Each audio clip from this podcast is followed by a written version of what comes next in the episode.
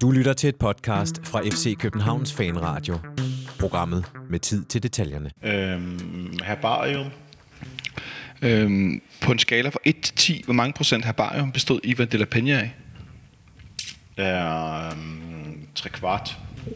3 kvart. Godt. Giver det nogen mening? Det giver fin mening. Og de ord, så tror jeg, vi indleder dagens udsendelse af FC Københavns Fanradio. Hvis du nogensinde har været i Malmø og oplevet en lille skønne by, så vil du have set dejlige spisesteder, rare caféer og kønne bygninger. I går der oplevede vi også et stadion, som jeg personligt ikke havde været på før, som også var meget fint.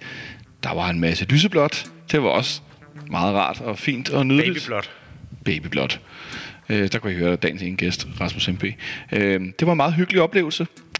Vi spillede 0-0 i, Mal- i Malmø. Nej, det gjorde vi ikke. Vi spillede 1-1. Øh, og på søndag skal vi spille mod øh, nogen, der minder lidt om Malmø, nemlig Brøndby. Du lytter til FC Københavns Fanradio. Velkommen indenfor. Som du kan høre, måske så er jeg en smule træt, fordi jeg først lagde mig i min seng halv to tiden i nat, efter at vi har kommet hjem med fanklubbussen herind til parken, hvor jeg sidder. Mit navn er Jonathan Folker. Det er i dag den, det kan jeg ikke engang huske, 4. oktober. 5. oktober. 4. oktober. 4. oktober. Jeg var rigtig i første forsøg hernede. Og vi skal tale om den her kamp i går i Malmø, hvor øh, omkring 12-1500 FC Københavner havde taget turen over sundet med bil, bus, tog, vandcykel, Ja. Alle undtagen Nikolaj. lighter. Dagens anden gæst, øh, ikke Rasmus MP. Velkommen til dig, Rasmus. Tak. Nikolaj Stenmøller. Hej. Eller, ej, jeg kalder dig Smølle, det er sgu nemmere. Øhm, nej, du så den på tv, så vi har tre forskellige øh, vinkler, for jeg stod helt til højre på udbaneafsnittet og så kampen. Jeg stod helt til venstre nede ved hjørnefladet på. Du stod helt nede ved for Ja. ja. nej, hvor sjovt. Og så Nikolaj, du sad på jeg, divaneseren. jeg, jeg sad lige i midten sammen med Sark Eholm og, øh, og, og Lars Jacobsen, var det vist. Ah, på den måde, jeg skulle lige sige, sad du på langsiden? Hold da op. Den kører ikke så hurtigt, kan jeg godt afsløre. Så hvis det indimellem bliver noget vrøvl, så må jeg altså undskylde meget, men jeg, jeg er lidt mat i koderne. Ikke fordi jeg var så beruset, men jeg er simpelthen bare træt. Og det var jeg til gengæld. Til gengæld, til gengæld kom jeg også hjem øh, med bilen allerede kl. 12, og der vil jeg sige, at det var et øh, decideret mesterværk at øh, køre over tidligt, placere en bil i et parkeringshus, og så øh, bare ræse hjem. Øh, jeg var i min seng kl. 12. Det lyder sgu da skønt. Så har vi næsten så har vi fået øh, fastslået, hvornår alle gik i seng. Nicolai. Hvornår du- gik du i seng? Jeg, gik, jeg går til sent i seng. Jeg gik i seng ved to siden. Jeg så en film bagefter. Det var ret god. Nå, det var dejligt. Er noget, du skal anbefale til lytterne, eller? Nej. Nej, okay. Så er fredagsstemningen også ligesom øh, sat. Vi skal selvfølgelig snakke om den her kamp i går, som vi nu har været inde på, og så skal vi... Det er Øh... en super nørdet Marvel-film. Det er ikke fordi, der er noget flavet eller sjovfuldt. Nå, ej, nu Ej, er det jeg jo en- Jo. ja. Nå, men folk kan godt lide Marvel-film. Det der, må- altså, vi taler også til... Det var fellow- Ant-Man and the Wasp. Jeg synes, den var ikke helt lige så sjov som den oprindelige Ant-Man, men, øh, men den var ret god. Okay, cool. Se, det er godt med nogle anbefalinger. Mm-hmm. Hvad hedder det? Alt for ikke at snakke om Almekampen. Nej, vi skal selvfølgelig tale om den her øh, tørve triller af en fodboldkamp i går. Men der var bare ikke så meget op til den, til, øh, og så videre. Så jeg synes alligevel, der er en del ting at vende i forhold til forventningerne inden, og hvad der så rent faktisk endte med at foregå. Og så skal vi ligesom fortsætte med at tale om fodboldkampe mod modstandere, der har det med at være patersfyldte, svulstige og meget... Øh, øh, hvad skal Lortet? man sige? Nej, øh, vilde i deres egen selvvurdering, tror jeg, jeg vil at sige. Ja, det er en god uge for det. Ja, det må man sige. Det er nærmest som at tage en tur tilbage til Romeriet. At Vi mangler bare nogen, der ligger på ryggen med druer, der vil hælde vin ud over, der drypper ned i ansigtet på dem. Var det ikke det, det her skulle være? Præcis, jo. Men, men I er kommet uden alkohol, så, øh, så vi må drikke sodavand i stedet for. Først den her kamp i går. Vi var jo i en situation, hvor at, øh, i første omgang troede vi, de fleste af os jo, at Jens Dage han var ude med en alvorlig knæskade. Fordi det lignede godt ja. nok, at han havde ødelagt et korsbånd, eller et ledbånd, eller menisk, eller et eller andet i knæet. Og det viser så, at det havde han ikke. Og Victor Fischer var heller ikke så fiberskadet som først antaget. Så de blev testet op til kampen i går. Og, øh, og vi så begge to at være i startopstillingen. Det overraskede mig, og gjorde mig også en lille smule nervøs. Hvordan, øh, hvordan øh, hvad hedder det, tog du imod, at de faktisk begge to var klar og startede ind? Jeg synes, det lød som om, at øh, altså, der, der, der kom jo en melding om på et tidspunkt, at øh, cirka samtidig med, at man hørte, at Stage han ikke var alvorligt skadet, at, at der var nogen, der havde set blod på hans knæ. Det har jeg faktisk også set i det slow. Hvilket så, øh, at der var nogen, der havde været meget opmærksomme der. Og det kunne jo så tyde på netop, at øh, det, det var den gode nyhed, at, at det har gjort ufattelig ondt på det tidspunkt. Han havde fået ordentligt los over knæet. Ja. Men, eller landet forkert på et eller andet, men til gengæld, at, at det ikke har ramt noget indeni. At det kun har været en ydre ting, og han nærmest har været en, slags lokalbedøvet, da, da det skete.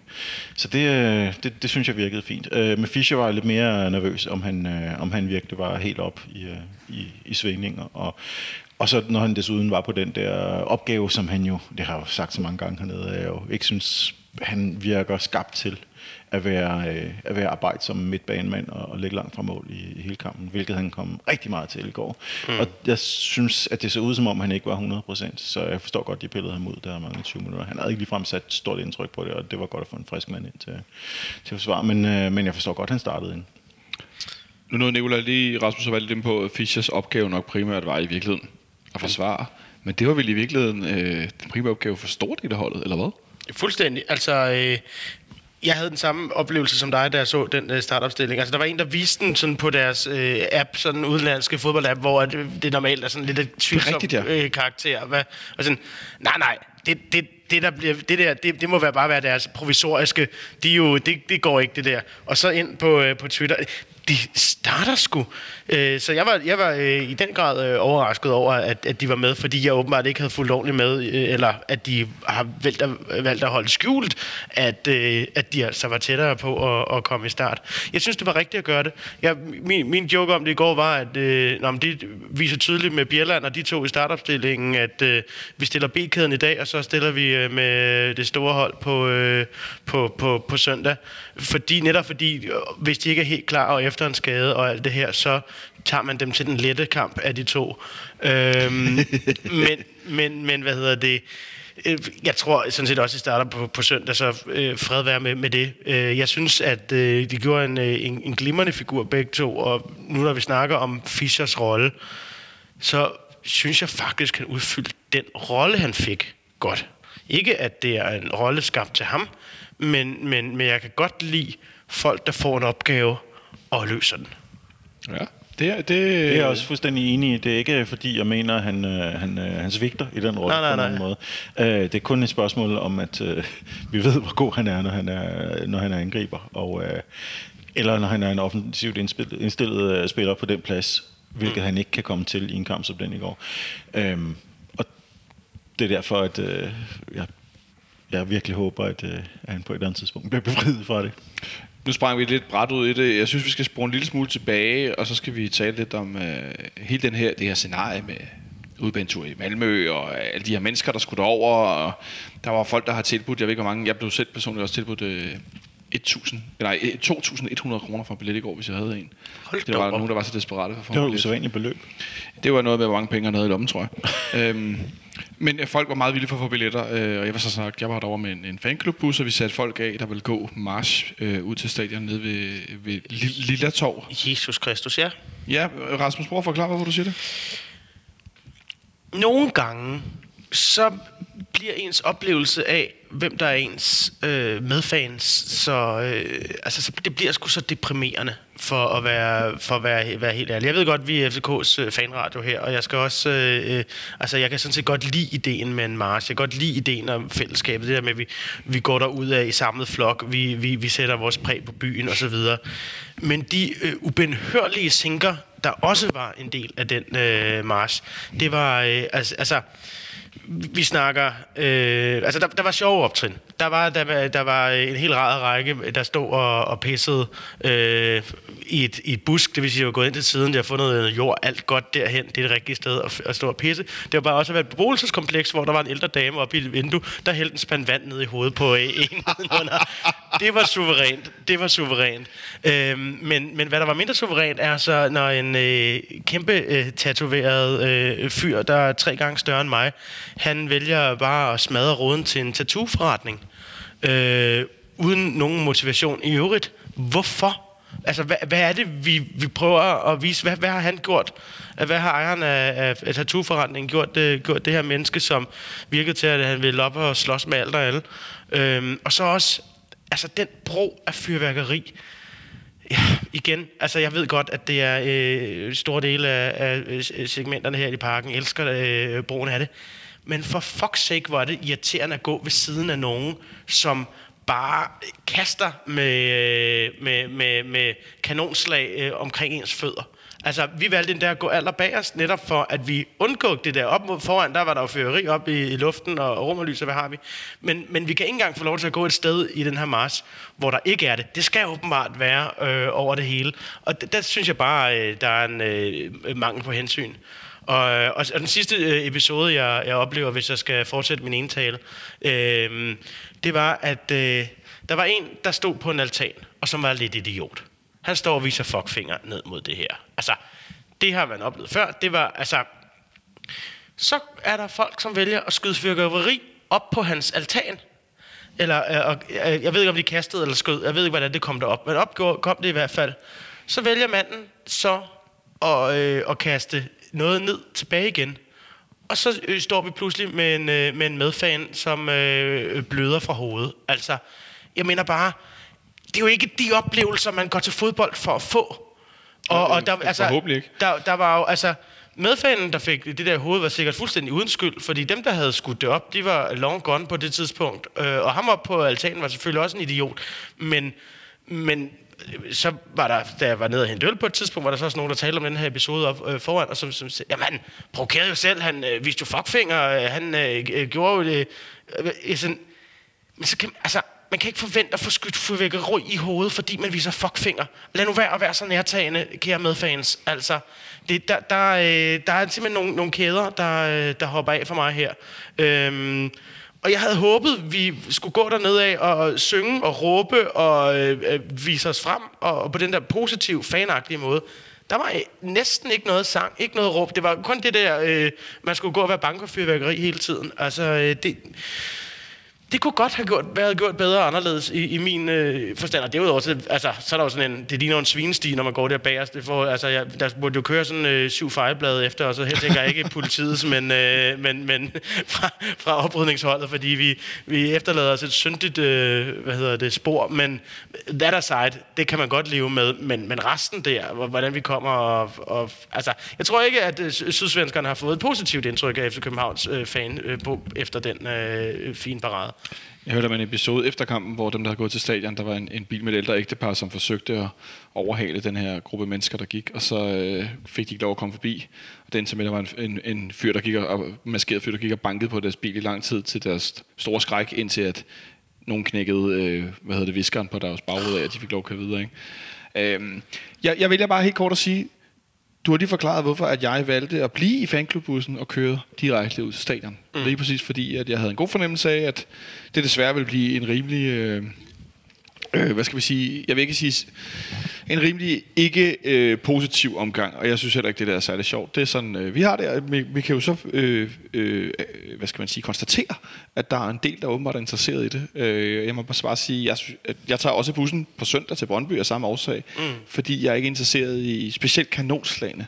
Jeg kan leve med romerlys, jeg synes, de, specielt når det er mørkt, kan skabe en fantastisk ja, effekt. Men... Og folk er efterhånden ved at finde ud af, at man ikke skal kaste med dem, men man går med dem, eller man ligger dem ned. Og lige sådan, selv når vi er på stadion, synes jeg, der vil være en ret god kultur omkring, hvordan de bliver antændt, når man står i udbaneafsnittet. Altså jeg, jeg ved godt, de ikke er lovlige til jer, der lytter med, der bare siger, at de skal ikke være der.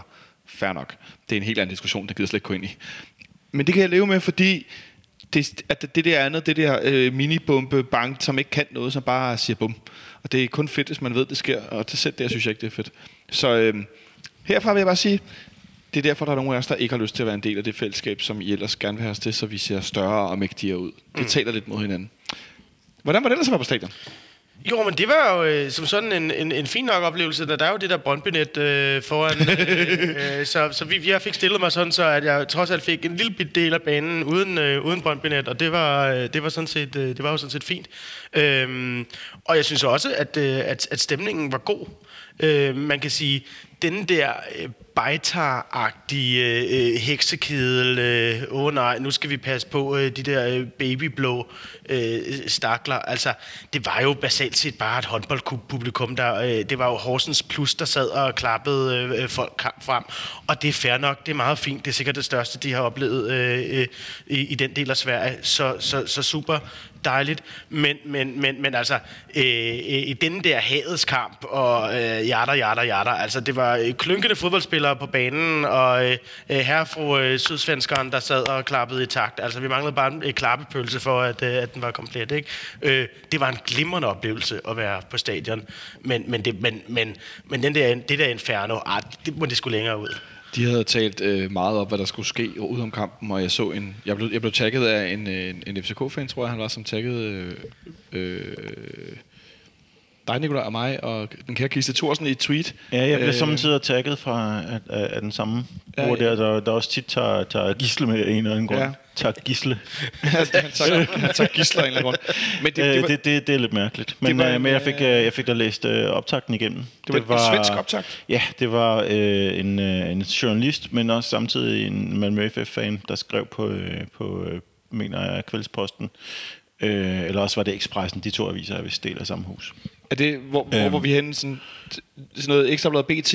Ja, ja okay, præcis. bare for at vi lige har en... Præcis. Øh, Øhm, og han, øh, han, han kom meget øh, ind på politiske forskelle mellem Danmark og Sverige, og, og, og smertelige minder og så videre. Vi har talt om det her nede Ja, ja, det gider vi ikke rode mere. Hele den her historie med, at, at at Malmø har et, øh, at, at de havde det der lange opgør om, om politiet dengang, hvor de naturligvis havde ret, men at de også har kanaliseret det ud i nogle utrolig mærkelige reaktioner over for alle mulige andre, som heller ikke havde noget med det at gøre. Øhm, og øh, at hans konklusion, som han så bragte i overskriften, det var, at ved København overhovedet, hvad de går ind til her? Og det vil jeg jo så sige nu, hvor vi sidder her bagefter og, og kigger, altså, øh, det tror jeg måske, hvis vi... Øh, hvis, hvis, hvis, hvis, vi tænker på folks reaktioner udenfor, og især op til kampen, nej, ja, det var helt usædvanligt. Hvis vi kigger på selve kampen, så var det jo dybest set en forholdsvis ordinær omgang fodbold øh, spillet øh, mod på udbanen, med en forholdsvis beskeden indsats mod et forholdsvis ordinært hold.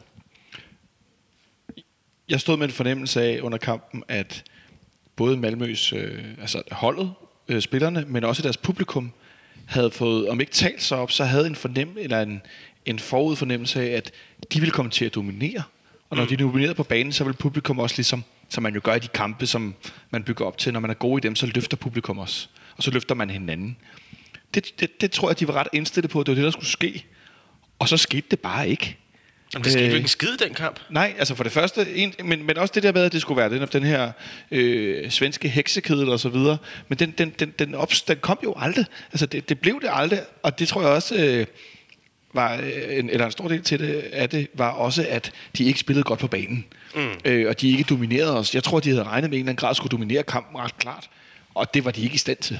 Især i første halvleg er det helt indlysende, at det er det, der, det, der sker. At øh, de, de prøver at lægge ud med, med fuld fart på. Og højt pres. Ja, og, og de, de rammer ikke hinanden jo. Altså, det, er- det, de, de, de er meget nemme at dem op for i første halvleg. Så i anden halvleg får de selvfølgelig bedre fat, og man begynder at se, hvor god en angriber Rosenberg, Rosenberg stadigvæk er. Ja. Øhm, men derudover, så jeg synes også, der er et par af deres spillere, der falder totalt igennem, og det var lidt morsomt, at det især var deres danske midterforsvar, som var en af dem. Altså, der var, øh, der var nogen, hvor man er sikker på, at de, de ville ikke kunne begå sig på vores hold. Det ville, det ville ikke gå. Jeg er glad for, at vi har gaflet et par af deres bedre fra for et par år siden, øh, og, de, og de var nyttige for os i, i et godt stykke tid, men jeg tror, jeg ville turde stille op med Lasse Nielsen i sådan en kamp der. Nej, det var ret sjovt. Der var et, øh, et af de her budskabsbanner undervejs i kampen, hvor der stod noget i stil med, at øh, jeres stjerner vender kun hjem, når vi ikke vil have dem. Ja. Som øh, var til øh, Robin Olsen, Erik Ja. ja. Johansson. Det synes jeg faktisk var ret sjovt. Øh, Ja, men vel også øh, til Markus Rosenberg går Ja, ja, fra, præcis. at øh, der var snak om, skulle, da han skulle tilbage til, Ja. ja. til Skandinavien, Præcis. skulle han rent faktisk komme til København.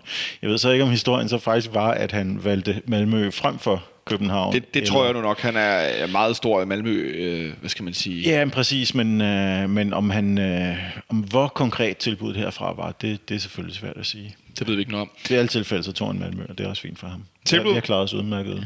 Tilbud var der ikke mange af i går. Øh, nu er jeg jo normalt øh, nærmest øh, modtaler mod det her expected goal system, men øh, ret morsomt har jeg lavet mig fortælle, at, øh, at vi nærmest ikke er registreret, fordi vi har stort set ikke en afslutning. Nej. Den er 0,03. øh, Piers Soterio, og det må sikkert også være ud fra angriberens kvaliteter, at den øh, chance er blevet vurderet. Jeg, kan- jeg kan ikke mindes den.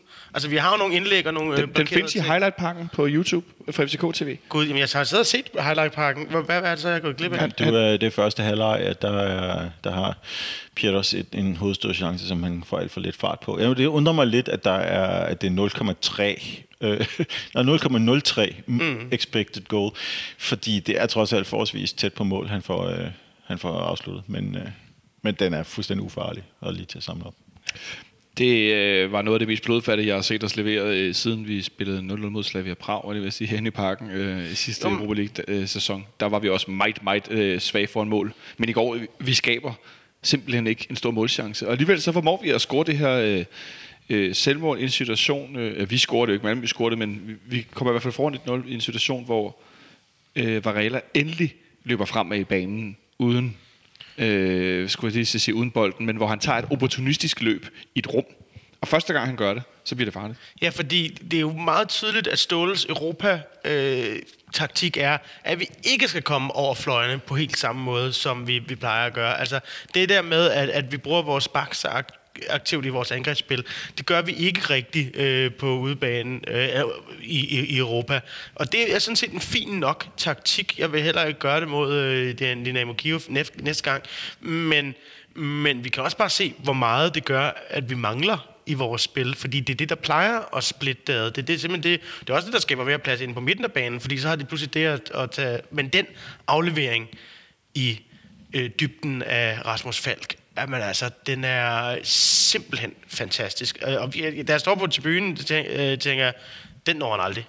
Gud, den nåede han. Og så pludselig, og så, øh, øh, øh, og så ind over, nå, den når han aldrig inden over. Nå, det var der sådan en forsvar, der gjorde. Så, Præcis. Halleluja. Altså, øh, det, var, det, var, det var på en eller anden måde øh, ret befriende at se, fordi vi havde jo haft intet indtil da. Vi spillede meget rundt. Det sidste kvarter første halvleg, Nikolaj, der stod jeg lidt og tænkte på stadion, at der så Malmø flade ud. Jeg ved ikke, om de har brugt for mange kræfter i deres pres, eller hvor, hvor vi var henne, men de så flade ud. Ja, det er rigtigt nok. Samtidig med i øvrigt, at, øh, at selve atmosfæren rundt om, om, om kampen også flader helt ud, synes jeg. Man får indtryk, når man hvad man ellers kunne høre hen over den begejstrede øh, der var også en, der sagde i mikrofonen, I står jo og sover. Jamen for fanden se det på den kamp. Altså. Ej, det synes jeg er sjovt. De står og sover. Ja, øh, Ja, Du har ret. Der var min, min sidemand, han, han, han siger øh, til mig, den her kamp den er så kedelig, jeg overvejer at tjekke min arbejdsmail. jeg var udenlands telefoni på at tjekke arbejdsmail, der jeg taget til Malmø og kan få en billet til en kamp, som der var 7.000 mennesker, der havde billet til. Det er fandme sjovt. Nå, undskyld, Nikolaj. Ja, det, det, I har jo ret. Altså, det var jo det var, det var en kamp, som det tror jeg også, jeg fik sagt før, kvalitetsmæssigt kunne den bare ikke leve op til de der høje følelser, der, der var indtil det.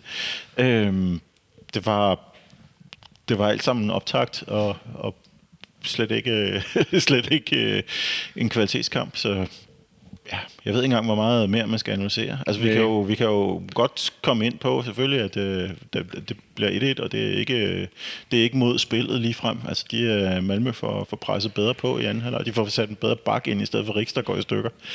Øh, og får arbejdet lidt mere ud over, ud over deres kanter med, med de her to wingbacks, som ja. første halvleg nærmest, hver gang vi har bolden, falder ned og får det til at ligne sådan en, øh, en, en skånsk Catenaccio, de, de står med. Der er jo ikke meget plads at komme Skåne- til. Jeg er, ikke engang jeg er ikke engang helt uenig i opfattelsen af det, Rasmus sagde med, at øh, vores bakker ikke skal meget frem, fordi jeg synes, at Pierre Bengtsson kommer meget frem i den ene side, spiller sådan lidt asymmetrisk, hvor Varela måske mere holder sig tilbage, eller faldt klar det, det offensive højre siden. Mm. Men Bengtsson er godt med, men der kommer jo ikke noget med, fordi alle indlæggene er enten, enten når de ikke er kommet ind over, eller så, øh, så bliver de ufarlige. Og det samme kan man jo også sige om, om, om de døde bolde, vi kører for tiden. Nå, men de er, det, det, er, det er lidt deprimerende, at der er så få muligheder, og når de så endelig er der, så, så ligger de så upræcist. Men når Bengtsson så kommer frem der, altså, så, så virker det som om, der er en tydelig instruks om, at så skal Fischer i hvert fald ikke længere frem. Altså, det er jo, de to skal ikke spille sammen om at komme... Øh, altså, så skal Fischer ned og, og, og dække af, hvis Bengtsson øh, kommer derop. Det er det der, jeg mener med, at vi ligesom mangler en mand i det der, øh, i det der overlapspil, som vi ellers har i, i, Super, i Superligaen. Der, er det, der bliver der passet meget mere på. De udligner en situation, der ligner noget, jeg synes, vi har set oh. nogle gange her inden for den sidste måned, halvanden. Et indlæg, som lander eller ender hos en angriber mellem de to meter forsvar. Det er ikke en, der kommer foran, det er ikke en, der kommer bagved, men det er imellem de to midterforsvarer. Og det har nu været, vi ser det i Hobro, hvor de, da de scorede til 2-0 ret tidligt i kampen. De kommer godt nok lidt mere direkte løbende på bolden, men det er igen, der er det mellem Papagiannopoulos og Bjelland, og i går var det mellem Victor Nielsen og Bjelland, og der, jeg fik også nævnt en enkelt en anden situation, eller desværre ikke. Sorry, jeg kan ikke huske den lige på stående fod, men der har Og det er været den nede bag om forsvaret, øh, hvor øh, Victor øh, øh, i en Europa-kvalifikationskampen, der hvor... Et, Ja, det, ja, det er jo faktisk også øh, Røde Stjerne, de laver Røde noget, der ligner ja. det også, ja. Øh, men at, hvor vi tidligere, altså øh, vi ved, øh, jeg ikke, vi ved, men det hedder så jo, at vi spiller med et zone midterforsvar også, hvor man dækker mellem stolperne. Det vil sige, at man dækker centerzonen, og den skal man ligesom, apropos Erik Johansson, så var ham og Sanka jo fuldstændig eminente til netop at lukke ned mellem stolperne, som gjorde, at de var så dygtige til bare at stå derinde og afvise alt, fordi de hele tiden lukkede inden for en mål. I går der ser vi igen ved det her mål, at, og det er ikke så meget, men Victor Nelson er kommet lidt frem foran den forreste stolpe ud mod det her indlæg, der kommer retur efter, at Rosenberg ryger ned i en situation ved første indlæg.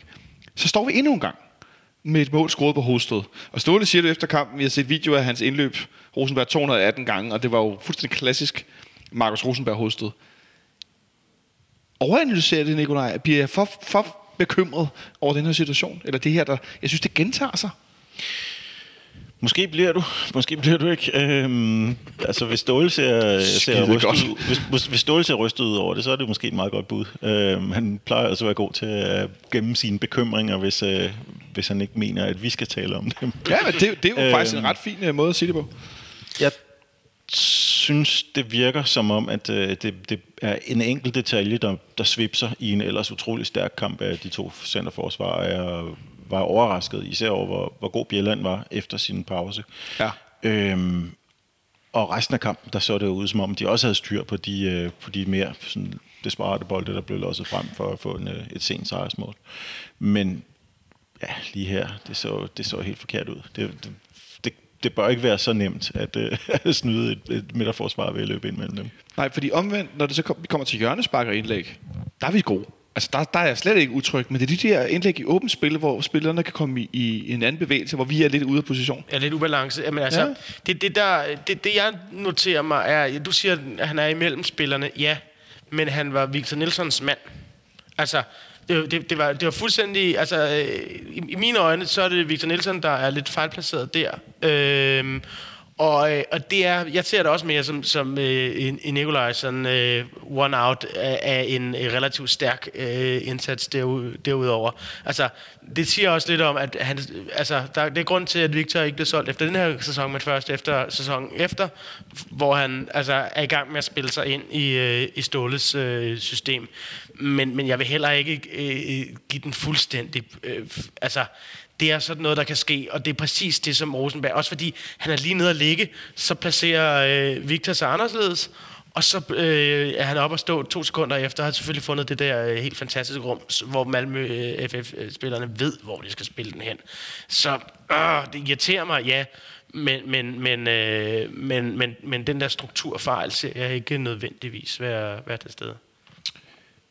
Jeg prøver at lade være med at male fanden på meget for væggen, så i forhold til de her indlæg, fordi vi er, har jo nogle midterforsvar, der er rigtig gode på, på hovedet, så det er, jo ikke, det er heller ikke sådan en, åh oh, nej, nu kommer der indlæg, ham der, han er dårlig til at hætte. Mm. Der synes jeg ikke, vi står, uanset hvem af de, de tre, Bjelland, Papagenopoulos og Nielsen, der spiller, de er jo alle sammen, altså de er rigtig gode på, på låget, for at sige som det er. Mm. Så det er, ikke, det er heller ikke sådan en, åh oh, nej, vi kan ikke lave, tage, hætte væk. Det ser vi jo som sagt også på, på hjørnespark i går i flere situationer, hvor at, at, altså, der er slet ikke noget at komme efter, og når vi så samtidig, øh, godt nok uden lad os sige, Jonas Vind, der er med døj, eller Niklas Bender, men har en, en spiller som Jens Dage, som er en del af det her, øh, kan vi kalde det et forsvarsboldværk på dødbold, eller sådan lidt, og så Peter Suterivo, som også flere gange i går hitter den væk efter Jørgens Spark. Mm.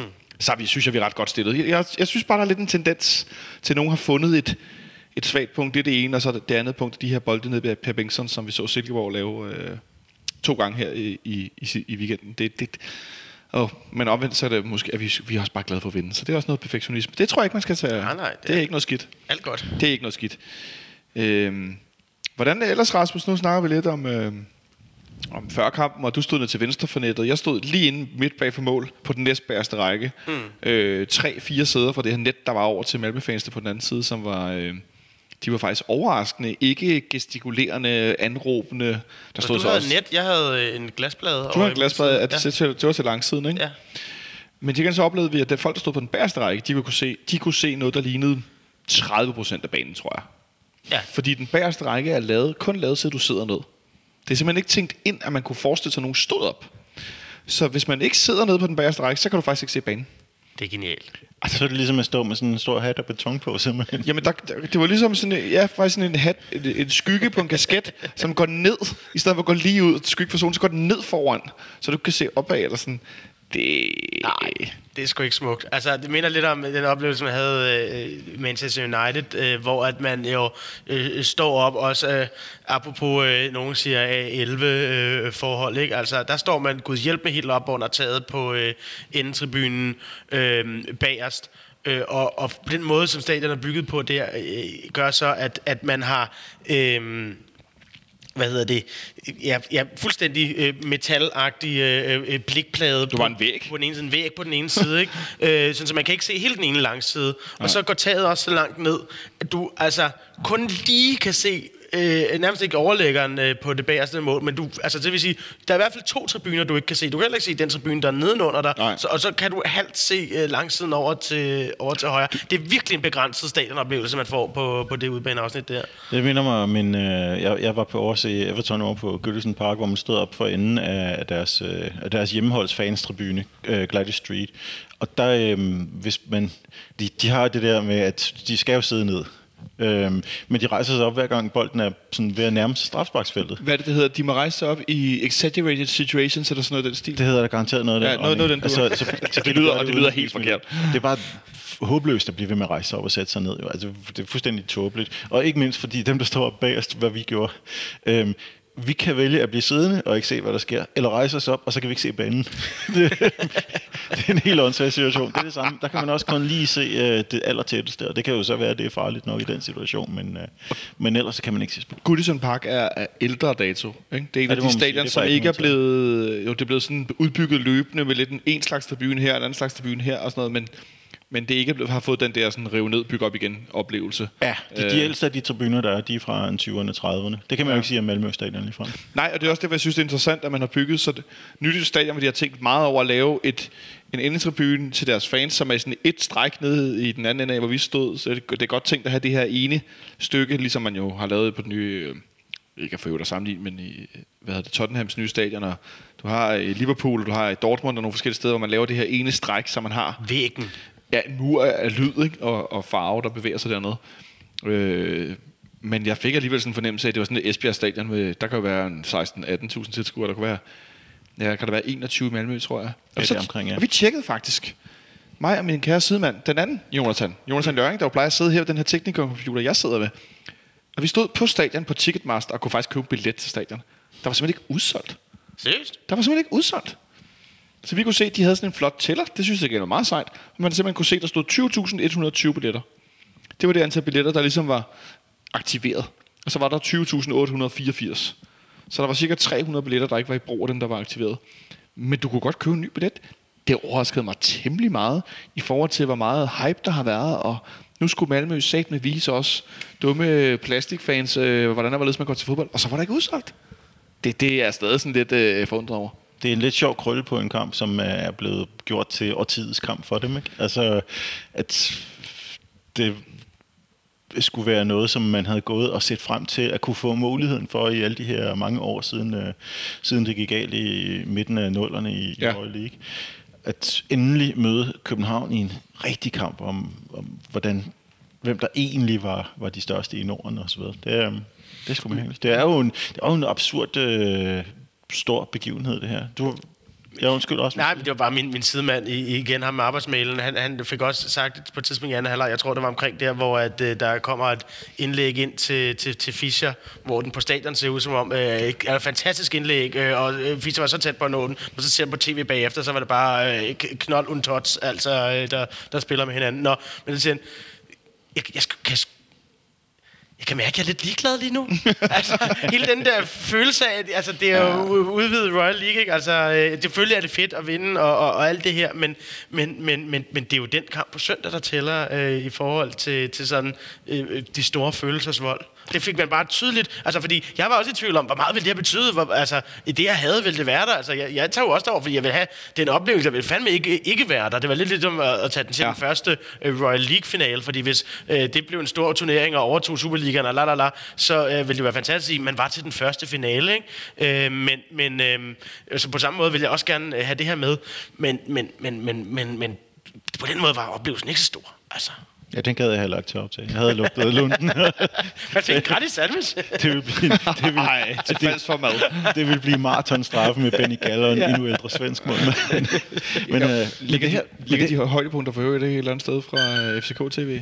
Det gør de. Det håber de gør, fordi det er, altså, jeg var også i Göteborg, det er fandme legendarisk. Undskyld, Nikolaj. Jamen, nej, nej, ja. du skal ikke undskylde for at tage til Göteborg. øh, hvad hedder det? Um, nej, men ja, det, var jo, det var jo bare en, en, en usædvanlig begivenhed. Også ved det, at du, du nævnte, Jonathan, du har også blevet interviewet øh, til, til artikler i engelsk pres om det. Ja. det. Det blev jo også... Altså ikke Göteborg-finalen, men Malmø-kampen. Ja, Malmø-kampen, okay, præcis. Det blev jo også af, af Michael Cox fra, øh, fra The Total Show, og det der nye medie, der hedder The Athletic. Han, han lavede en artikel om det her utrolige ejendommelige derby, øhm, som han skrev derby, skråstreg, øh, rivalry, spørgsmålstegn. ja, han havde med godt lidt lugtet lunden, ikke? Jo, øh, det havde, det havde den, den, den søde øh, mand, øh, som jeg ikke kan huske, hvad hedder, som jeg, som jeg skrev fra mig tilbage med, tilbage med. Øh, fra, øh, han skrev for 442-mediet, øh, for øvrigt et fantastisk fodboldblad, hvis man har lyst til at købe et trygt magasin, så er det, det fodboldmagasin 442, det er uovertruffent, hvis man kan lide engelsk fodbold, vil jeg mærke. Øh, men han, han spurgte også med det her, øh, den her rivalisering, hvor jeg jo forklarede, som vi også har gjort, det der med, når men, vi vil også gerne vinde over dem, men altså, ja, vi jublede, da vi scorede, men det, det var nemlig noget, jeg tænkte, Rasmus, det var det, jeg ville sige. Ja. Når og hvis vi forhåbentlig scorer på søndag, hvor jeg skal ud til Brøndby, ja. så jubler jeg som om, at øh, jorden er ved at gå under. Fuldstændig. Det gjorde jeg altså ikke i går. Nej. Altså, og det plejer at være en meget god indikator for, hvor investeret er Jeg vil sige, det var, det var en større jubel end Silkeborg-jubelen. Ja, okay, bevares. Men en mindre jubel end, øh, end en Brøndby-jubel. Det, det må jeg bare sige. Cox indleder sin artikel med at sige, øh, at fortælle et citat, som han også fortalte mig, at, øh, at en, af, en af de svenske fans havde sagt, at da de havde øh, trukket København, og de havde så set lodtrækningen sammen med nogle venner, der, der reagerede de ligesom i øh, den her film Green Street, hvor West Ham-fansene finder ud af, at de har trukket Millwall i pokalen. Jeg, jeg kunne bare fortælle, at jeg sad selv og så... Øh, Hvordan reagerede de der? Jeg, ja, de gik amok, som om det var, den, øh, det, var det, det mest fantastiske, de havde oplevet. Okay. Øh, altså, kan, altså, men, det der billede på poppen, hvor du scorer i overtiden, og alle kaster øl op i luften. Modtaget. Men, øh, men, men jeg kunne så fortælle, at jeg havde selv siddet og set lodtrækken på arbejde, og, og så, nå, Malmø, nå, ja, okay, det er et af de nemmere hold i den, i den potte, så, så det er god lodtrækning. jeg synes, vi skal afslutte øh, snakke om øh, kampen i går. Øh, med to ting. For det første, så, øh, så synes jeg, det er interessant at tale om to spillere, som jeg synes gjorde det rigtig godt. Øh, den ene, vi var lidt inde på det, øh, Guillermo Varela, som jo har været lidt inde ud af holdet, men som nu ligner i hvert fald vores klare Europa League højre bak. Jeg synes, han gjorde det rigtig godt i går, selvom han ikke var så offensiv, som man måske kunne ønske. Men du var lidt inde på det før med Fischers opgave, og hvis man løser den opgave, man får. Mm. Jeg synes, øh, indimellem får man en klar fornemmelse af det her internationale snit, han har når han er lidt presset ned i hjørnet, og lige stopper kroppen i bevægelse med bolden, så modstanderen løber ind i ham, så han trækker et frispark, som at frispark han nærmest får begået, sådan så han kan stoppe bolden og tage tempoet ud. Og, altså han har sådan noget... Jeg er glad for, at du får altså, de virkelig store og fede detaljer for den kamp frem. Virkelig, øh, altså creme eller creme. Men han gør det, han gør det i mange han kampe. Han gør det glimrende. Han gør det, ja, det, det, der har jeg lagt mærke til, han gør i mange kampe. Enig. Og, og øh, altså, Varela er jo også sådan helt, den helt klassiske, øh, han skal lige spilles ind på holdet type. Altså, og det, jeg, jeg ved godt, at, at man, man kan, man, at man kan øh, forvente meget. Nu har han også været der i, i et stykke tid, så nu er det også nu, han, han skal til at levere. Men, men, øh, men jeg synes bare, det er, vi ser så tit, øh, at øh, hvor lang tid det i virkeligheden tager at få spillet folk ind på holdet. Og nu er den ved at være der med, med Varela, synes jeg. Og så den anden, jeg gerne vil høre lidt om, Nikolaj. En mand, som allerede nu nærmest øh, læner sig ind i en årets spiller i FC København kåring allerede her i start oktober. Pierre Sotilio? Ja, lige præcis. Det- Du læser mine tanker. Det håber jeg ikke, du gør på andre tidspunkter, så bliver det rigtig ubehageligt. Vores anfører, Carlos Sækker, prøv lige kort, fordi vi kan jo tale om ham i en evighed. Hvad er det, han er gang i for en sæson og for en stime af niveau? Ja, det var så mærkeligt, vi snakkede om, at han havde, han havde haft så dårlig en kamp her for et par uger siden i Hobro, hvor, hvor, øh, hvor han var fuldstændig umulig, øh, fordi det er så usædvanligt. Øh, det her, det var den her sækker, vi er vant til at se. Han er jo simpelthen bare en, en, en spiller på, på europæisk topniveau, som vi har været super heldige at få, få landet øh, fra, en, fra en klub, der var lidt i kaos. Øh, det må man sige. Så gælder det om at slå til, hvis man kan få så gode spillere. Øh, han er han er sympatisk, han er øh, arbejdsom, han, øh, han er en god leder, han er fuldstændig vild med Sækker. Ja. Altså, jeg, jeg, jeg er ikke løbet tør for superlativer. Det er jeg ikke. Det er ikke der, vi er. Men jeg synes bare, det er så imponerende. Det han er gang i. Øhm, Enig, enig. Og, og, og, og det, som Seca kan, er jo både at være den der defensive krumtap, og jeg mener krumtap i den mest... Øh, og, altså, altså, det er jo den der krumtap, der kommer ind og tager bolden i... i altså, han har jo en taklingsmetode, som ikke er set før eller siden med noget menneske. Det svarer lidt til, til da man øh, begyndte at opfinde den der nye måde at springe øh, højdespring på, hvor den pludselig kø- kører med ryggen over først i stedet for maven. Ikke? Han spiller, altså, lidt, han spiller lidt som sådan en blæksprutte, der først sætter sig fast på folk, og så piller bolden væk, og så, øh, så skynder han sig væk igen. Fuldstændig, og det, og det er jo simpelthen så skønt. Øh, men han har jo også det offensive, øh, hvor, at, øh, hvor den, den, den, den kan spille til dybden, og han, nu har han også skuddet, altså. Øh, men øh, jeg knus elsker det menneske. Det må jeg bare sige. nu har jeg fundet billeder på min telefon, og så kan I se øh, teksten øverst, hvad jeg har søgt på, og så er der sådan nogle billeder nede i min Google-søgning, hvor der står den græske krog. Der står faktisk den græske fiskekrog, så jeg er sikker på, at der kommer billeder frem. Ja, men det er, det er den græske fiskekrog. Det, det er bare... Ja, Det er altså... er, det, det, det er vel i virkeligheden mere den portugisiske krog, er han ikke? Har han ikke kun været græker i to-tre år? Jeg ved det ikke rigtigt. Jeg, tror, jeg, jeg ved ikke helt, hvor han identificerer sig som, faktisk. Det, det er jeg ikke helt sikker på. Altså, vi, skal, vi, vi skal snakke identitetspolitik jeg, her. jeg ser, at han er en alien. Det Jeg er- ser ham som københavner. Ja. And on that note, så tror jeg, at vi om et øjeblik skal se frem med nogle andre aliens, nemlig dem der øh, de zone 43 folket, som vi skal spille mod på, øh, på søndag. Ikke mere om Hamburg. Nej. Nej, Nej. Det fik jeg også sagt fire gange i ja, går. vi har også talt rigeligt om Hamburg. Jeg fik også sagt det fire gange i går i bussens mikrofon, der skulle sige, at vi skulle til Malmø, så fik jeg sagt det som en joke og redde den. Så prøv lige en gang til. Nu skal vi snakke om noget andet end Malmø. Vi skal nemlig tale om deres overlegne, øh, hemmelige danske fætter, når det kommer i svulstighed, patos og øh, hvad skal man sige, selvvurdering af, hvor meget man egentlig er de mest ægte fans i verden, nemlig Brøndbyernes IFAS fodbold, eller hvad pokker det er, de hedder. Dem skal vi møde på søndag. Endnu en gang den klub, som vi har mødt flest gange i FC Københavns historie. Ja, det er nemlig ikke øh, helt skævt. Vi har mødt Brøndby ikke mindre end 107 gange. Ja. Ja. Det har været øh, store opgør alle sammen, som vi kender og elsker dem. Vi har vundet 50, hvis jeg læser det her rigtigt. Jo, det gør jeg, det er på Nipsestat. Vi har vundet 50, spillet 26 uafgjort og tabt 31. Ja, det var en statistik, der stod lige sådan ret længe, indtil lige pludselig den blev fuldstændig skævdelt. Målscoren øh, samlet hedder 140-115, hvis der er nogen, der kunne være interesseret i det. Mm-hmm. Det synes jeg, der er en meget fin øh, målscore. Vi har vundet de sidste fire opgør med Brøndby. Vi har vundet 3-1, vi har vundet 1-0, vi har vundet 2-1, vi har vundet 3-2. Sidste gang, vi mødte Brøndby, det er jo en af de, det tror jeg faktisk var ah, top 1 over gode dage i 2019. En fuldstændig vanvittig 3-2-kamp herinde. Det var så skønt. Kæft, det var en vild dag, mand. Det, det, jeg så faktisk højdepunkterne i onsdags, tror jeg, øh, forgårs, forleden dag.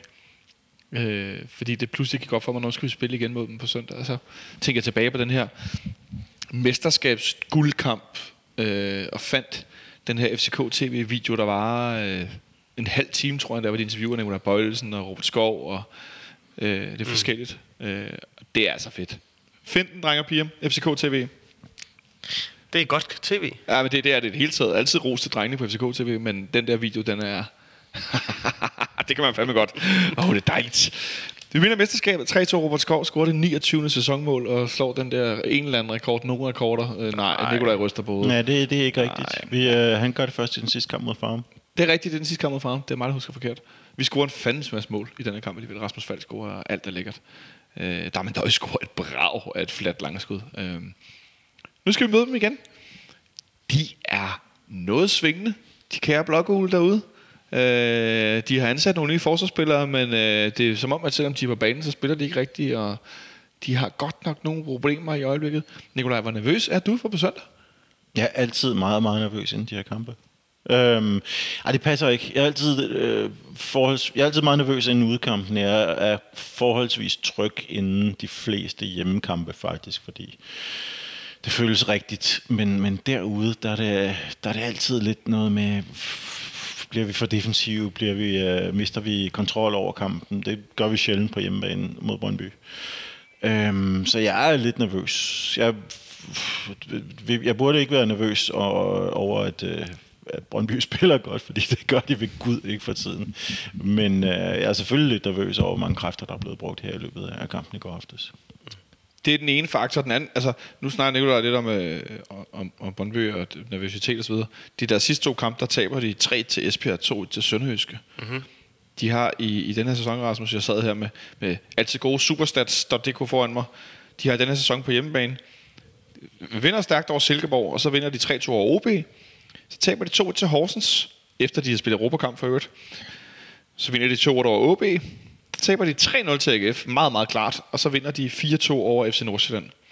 Øh, men deres samlede Superliga-sæson, den hedder 11 kampe, 5 sejre, en uafgjort og 5 nederlag. Med en målscore på 19, 18 og 16 point. Jamen altså, jeg forstår jo ikke helt sådan Nikolajs øh, udtagende nervøsitet. Altså, øh, det, er jo, det er jo bare et midterhold, øh, som, vi, som vi skal mødes med, hvor vi selvfølgelig har en, en, en særlig historik med dem, øh, hvilket øh, gør, at der er mere øh, tænding og spænding på, men, men, men, men sådan kvalitetsmæssigt, så er Brøndby nu, og har jo gjort det sidste par sæsoner, for alvor manifesteret sig som, øh, som nogen, der er dårligere end os. Ja, men det er jo heller ikke, det er jo heller ikke fordi, jeg tænker logisk over det. Nej, nej. men, Nå, men er, jeg, er det jeg, dit følelsesvold? Ja, præcis. Og så er jeg også i min hukommelsesvold, fordi de har jo selv i de senere år, og nu tænker jeg ikke på den sæson, hvor vi tabte alle kampene til dem, og øh, de var tæt på at blive mestre.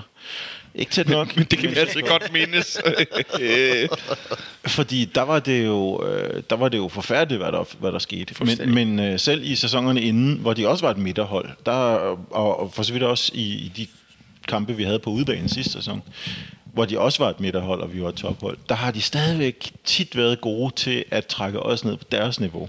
Det er fuldstændig rigtigt, men Og, det synes jeg øh, bare ikke, de har gjort. De, altså, siden, siden den sæson, hvor de var lige ved at blive, øh, blive mestre. altså forrige. Ja. Men altså, vi, Altså vi, i vi, sidste sæson.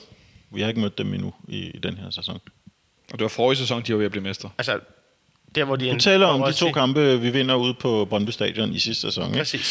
Præcis. 1-0 i aller sidste sekund øh, ved Jonas Vind, og så 2-1 ved en hurtig vending i slutningen af første halvleg. Men det er ikke kampe, hvor jeg synes, der er stor forskel på, på de to holds niveau. Um, der er til gengæld kraftig forskel i vores, øh, vores afslutningsevner, og det er så, må man jo sige, lidt en skam, at, øh, at vi nok både mangler, kommer til at mangle øh, Robert Skov og, og Jonas Vind, der, der lavede to meget afgørende mål de to kampe. Vi har selvfølgelig Mm. Fischer, hvis han kommer tæt nok på mål. Ja. Yep. Men, men altså, Brøndby er, er... Altså, det er ikke fordi, jeg siger, at det bliver en let kamp eller en walkover, eller, eller, eller jeg tror, vi smadrer dem, og specielt ikke med Malmø-kampen i benene. Jeg, jeg, jeg tror også, det bliver en lortkamp, og, og, og, og, og, men det er vores egen formåen, der kommer til at gøre det, det lort. Øh, det er ikke nødvendigvis, fordi de ved, hvordan de skal spille os, eller, eller har øh, en eller anden... øh, Den der destruktivitet, du taler om, altså, øh, hvis det er deres eneste våben, så står vi godt. Ej, det var også præcis min pointe, at de er gode til at trække os ned på et, på et skidt niveau. Mm, men, men, men det er jo ikke dem, der trækker os ned. Altså for, for, for mig at se, at det er lige så meget os selv, der, øh, der bliver, bliver krampagtige, og fordi det betyder for, for meget, og øh, det bliver råbt op til at være en, være en, være en stor kamp. Det er basalt set en, en kamp mod et midterhold. Det er rigtigt nok, og det, det er jo også... Øh, det var også for, mere for, for at sige det på en smart måde. At, at de, at de, Stærk at de, træ- at de trækker ned, fordi vi har også øh, selv gjort os skyld i det. Det, det. det er der ikke nogen tvivl om. At, at der, har været nogle, øh, der har været nogle kampe, hvor der... Så vil jeg sige det på en anden måde, at vi har været for ivrige til at følge med på der, i deres øh, forlæg. At, øh, at, at gå ind i en, en milliard nærkampe, i stedet for at spille bold rundt om dem, øh, selv når de har spillet med to nærmest traktorer, der er løbet tør for benzin som midterforsvar. Så, øh, så, så, de, øh, så vi spillede på den på en måde, så de kunne få lov til at bruge deres styrker, mm. og ikke øh, blive udsat for forfærdelige løbdueller mod folk, der er meget hurtigere end dem selv. Nu lovede jeg, at vi ikke skulle tale mere om Malmø, men det du beskriver, Nikolaj, det var faktisk også det, vi så i stor del af kampen i går, at Præcis. Malmø gerne vil slås, og Bjelland siger også efter kampen, vi får ikke kontrolleret kampen så meget, som vi gerne vil. Præcis, altså, og jeg skulle faktisk lige til at sige, at jeg kunne godt forestille mig en kamp, som måske har lidt samme udvikling som Malmø-kampen. Lad os da håbe, at Brøndby-spillerne ikke ligger ned og whiner lige så meget, som øh, øh Malmø-spillerne gør, fordi det var da godt nok irriterende at se på. Det er en anden historie. Det er en anden historie. Det er en anden historie, og så jeg vil bare tilføje, at... Øh, jeg stod lidt og tænkte, det minder om, når man spiller pokalkamp mod et hold fra anden division som Hillerød, hvor når de slår sig Eller skive. Eller skive. Ja, lad os endelig mindste. Men, øh, men altså det der med, når du spiller mod nogle deltidsproffer, ingen gang, altså amatørspillere, som er i dårligere fysisk forfatning, og de slår sig mere. Øh, altså, de er i dårligere form og, øh, og har dårlig fysik. Så de skal behandles oftere. Mm. Og det var lidt det, jeg stod og tænkte går med Malmø. Jeg havde lidt sådan en, I skal behandles hele tiden. Det er jeg altså ikke vant til, at spillerne skal hele tiden de kampe, jeg ser på stadion. Mm. Det er spøjst. Eller sådan, det var sådan lidt, hold da op, øh, I slår jeg godt nok nemt. Og selv, øh, den... Det skal dog sige, at ham øh, Christiansen fik mega næsblod, det ved jeg ikke. Jo, øh, de har et håndklæde på banen. Det, det læste jeg i den chat, vi havde. Så, Men, øh, så, det, så det var også meget underholdende. Han skal heldigvis ikke spille på søndag, fordi han kan ikke holde ud at se på to gange på nu. Kan jeg godt afsløre, øh, han er der i Det er der også karakter. mange af Brøndby-spillere, jeg ikke kan holde ud at se på, det vil jeg bare sige. Ja, men du skal også så er det godt, de ikke spiller to gange om ugen. Så det, ja, præcis. Men øh, du skal også kun se på dem en gang i den her uge, og heldigvis hjemme for din, øh, for din tv-skærm i den henseende, så de er ikke så tæt på heller. Jeg er egentlig nysgerrig. Hvilke, hvilken Brøndby-spiller vil du, og for sagens sags skyld også dig, Jonsen, sige, at var, var, var det største fokuspunkt for, for vrede? Altså den, vi, den vi mindst kan lide, ja. som der er lige nu? Uh. Mm. Altså, det, det, det, det er nærmest det, der er problemet. Altså, jeg, jeg, jeg vil faktisk sige, at det her det er også symptomatisk for... Øh, øh, en ting er, at jeg køber mig tid ved at svare på den her måde, men, men det er også symptomatisk, at, at, at, at vi ikke har den der øh, Ruben Bakker-type, der bare er øh, den der Daniel Akker-type, som bare er, er, er kolossen, eller som de har haft på vores hold, øh, øh Sanka. Øh, altså, hvem er det i virkeligheden, der er Brøndby's sjæl? Peter Nielsen, øh, eller Per Nielsen, ikke Peter, han var jo god nok. Kan du vare din mund? Øh, altså, øh, men, men, men, men, men hvem er det i virkeligheden, der er bærer af bærmen? Det er der jo nærmest ikke engang rigtigt. Bærmebærer. Det er, et, altså, det, det er sådan et andet udtryk end fanebærer. Men, men øh, jamen, fanden er det? Altså, jeg vil godt komme med bud så. Kom med. Lige nu, efter en udtalelse den anden dag, så synes jeg klart, det er deres unge Jesper Jobbe Lindstrøm, ja. som fik fortalt, at han kunne ikke komme ud af derbykamp uden at have blod på trøjen. For det første, så er der en klar joke til deres FC Blod på trøjen sang. At han skal have Brøndby Blod på trøjen, det synes jeg var ret øh, komisk kikset, efter han Især fordi han jo er indbegrebet af egen, egen, egen avl, masterclass talent. Men, men han, han får i en meget, meget ung alder sagt nogle virkelig klubborgene, ingen gang, jeg har stået på Faxebyen hele mit liv ting, men sådan de, der, sådan de der ting, du ikke behøver at sige. Og der er heller ikke nogen pressemand eller PR-medarbejder, der siger, at du skal sige det. Det er sådan nogle sådan helt selvvalgte, kejsersvulstige ting, han får lukket ud. Altså, det, det er så vildt. Det er skønt. Og han er ikke særlig gammel, og han har bare sagt nogle ting, hvor jeg tænker, hvad fanden er det, der foregår? Altså, nu, nu har jeg jo lige øh, prøvet at finde deres, øh, deres trup frem, og altså, sæt i en gennemgang af den, øh, kan, altså, en øh, Michael Tørnes, ja, ja, han er bøf, men øh, altså, øh, Kevin Mensen er nærmest øh, nogle gange fornuftig at høre på i de der interview, hvor han er øh, selverkendt og fejl og sådan noget den stil. Det er jo også helt... Altså, øh, øh, Johan Larsson, som, som jo øh, tidligere kunne have været det, men det her comeback, han, nej, det er jo, øh, ingenting. Og så er der Maxø og Gavnby, som ikke er, er, er Brøndby-typer, og så har vi... Altså, Inden du lister for mange, Nicolai, ja. hvad er din? Jamen, det er, øh, øh, det er med skam at melde, fordi han er, han er forholdsvis ny derude, og han er lidt af en døgnflue, og han er ikke engang særlig god for tiden, og det er deres, øh, deres slikhårede svenske ving, Magnus Hedlund, og det mest Simon, pinlige, Simon Hedlund, ja, ham var jeg også ved at nå til. lige til at sige, at jeg var ikke sikker på, at jeg kunne huske hans fornavn. Så det er hermed bevist. Jamen altså, fordi altså, Kasper Fisker hader jeg også et godt hjerte, men altså, et, en ting er, at han har skadet, noget andet er, Igen. at, at, at det er jo bare generelt som øh, spillertype mere end det er som Brøndby-spiller. Øh, Lasse Wien har ikke gået fra dig til i forhold til det der had. Øh, Hani Mukhtar bryder mig ikke om, men altså, det er jo ikke fordi, han er... Han er øh, altså, der, der, der er for lidt øh, tale i ham til, at man for alvor får den der... Men det er vi ude i nu, at det er i virkeligheden det bedste billede på, hvor meget Rasmus snakker om det der, at de er et midterhold. Altså, at, ja. at, at der er ikke engang, vi har ikke engang sådan en personificering af det, vi ikke bryder os om med dem, og alt deres svulstige selvfedme. Der er ikke engang, der er engang sige, nogen, der det var, den. det var nemmere at finde øh, nogen at fokusere det mod, når de havde, øh, når de havde nogle egentlige klublegender kørende, som, øh, som var der i 5-10 år, og som, øh, som rent faktisk en gang imellem stod med et trofæ eller noget. Det er jo, det er jo så sjældent. Altså, medmindre man virkelig engageret har set de par pokalfinaler, de har vundet, vel, vel, som jeg selv har gået en lang bue øh, udenom, så har man jo ikke det der på nethinden mere. Altså, men, men man kan stadigvæk huske øh, Morten Vikhorst, der stod og flagrede med en pokal i gamle dage, og, og, og hele, det, hele det hold dengang.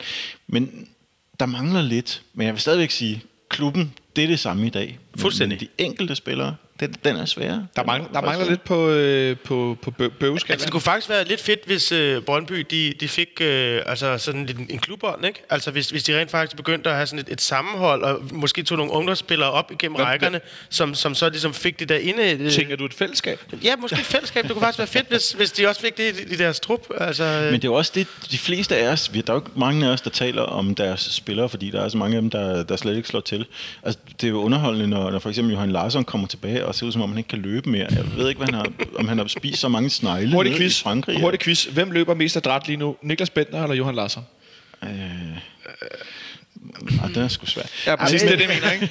Ej, Vi er på det punkt. Ja, men ej, trods alt øh, Niklas Bentner. Altså, øh, han får ikke så mange minutter.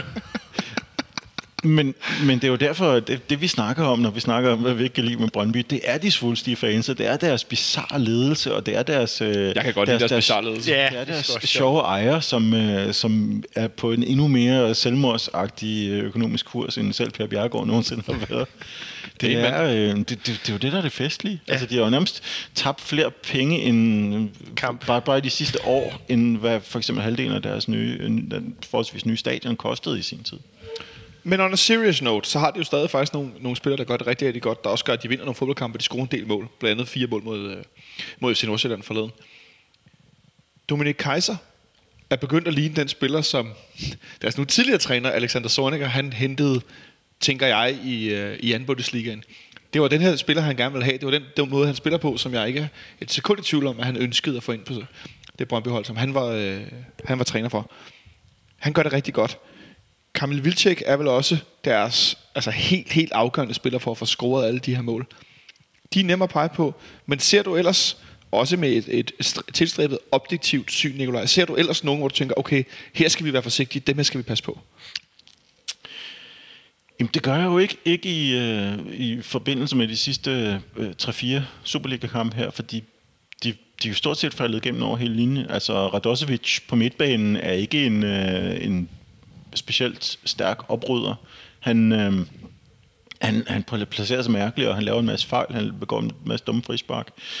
Øh, Mukhtar er ikke i skræmmende form, selvom det måske begynder at se lidt bedre ud for ham trods alt. Øhm, spørgsmålet er også, om, om han overhovedet bliver, bliver brugt rigtigt i den ja. position. han Ja, det er så det næste. Mm. Og, og i- også deres taktiske, deres taktiske situation lige nu ser ud som om, den er nærmest om, de trækker lod om, hvilken formation de spiller inden en kamp. Altså, det er en, øh, det er en mærkelig situation. Maxø og ham deres nye nordmand, han er jo, de er jo heller ikke øh, Sigurd Rosted, ikke at forveksle med Rosted og Kreuzfeldt.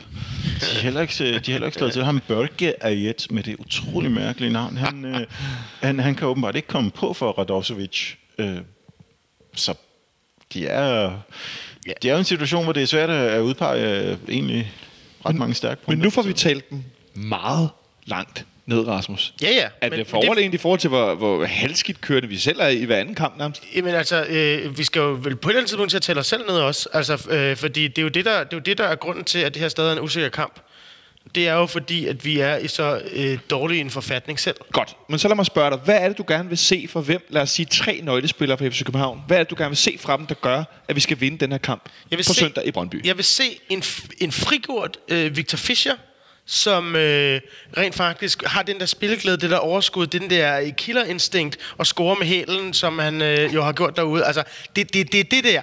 Det er, det, vi, det, det er den Victor Fischer, jeg vil se. Ja. Så vil jeg se et fuldstændig suverænt midterforsvar, øh, specielt en Victor Nielsen, der, øh, der stepper op. Jeg har en lille mistanke om, at, at han får Papadionopoulos øh, ved sin side i, øh, i, i, i kampen. Lad os se.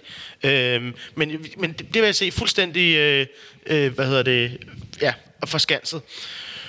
Og så vil jeg se en eller anden angriber, som øh, på en eller anden måde melder sig ind og gør noget angrebsagtigt.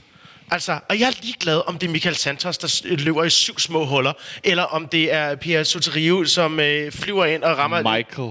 Ja, yeah, I know. øh, og det er Soteriou, der, der, der rammer den på, på, øh, på hovedet, eller øh, er begyndt rent faktisk at få noget kraft i sit skud, eller, eller glider ind i bolden øh, på en ny og spændende måde. Eller om det er Niklas Bender t- tilbagevenden, som flyver ind som en engel og øh, hætter tre øh, bolde ind i det sidste kvarter. Jeg er ligeglad, hvem af dem det er. Jeg har bare brug for at se en angriber på banen. Ja. Ja, og, og så har vi jo også øh, hvor, hvor, hvor, hvor 17-årige, der er Army, som jo også gerne må øh, lave andet end finurligheder nede omkring midterlinjen, men, øh, men også øh, måske få en afslutning på en gang imellem, når han så er, er der i nærheden af. Så, så de fire der, kunne det da være fedt, at der er en af dem, der viste, at de var angriber. Hvad siger du til Rasmus' øh, fromme ønsker, Nicolaj? Jeg synes det alt sammen, det lyder meget fristende.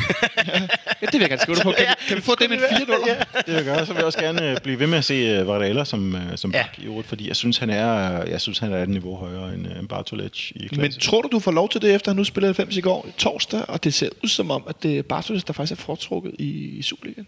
Mm, nej, det tror jeg ikke. nej. Jeg, jeg, har, øh, jeg, har ikke, jeg forstår ikke øh, Ståles rotationspolitik lige på den ene- position der, det må jeg indrømme. Fordi øh, jeg synes, det, det jo, nu skal jeg jo heller ikke gøre mig klogere på fodbolden, vores træner selv er.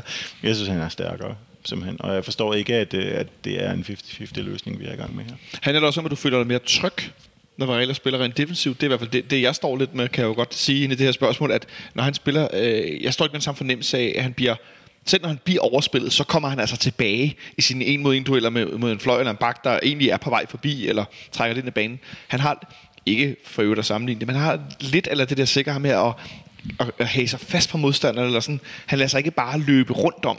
Og når han gør det, så det så vi mod FC Nordsjælland øh, på et tidspunkt, hvor han blev grundigt tørret af den her unge raket.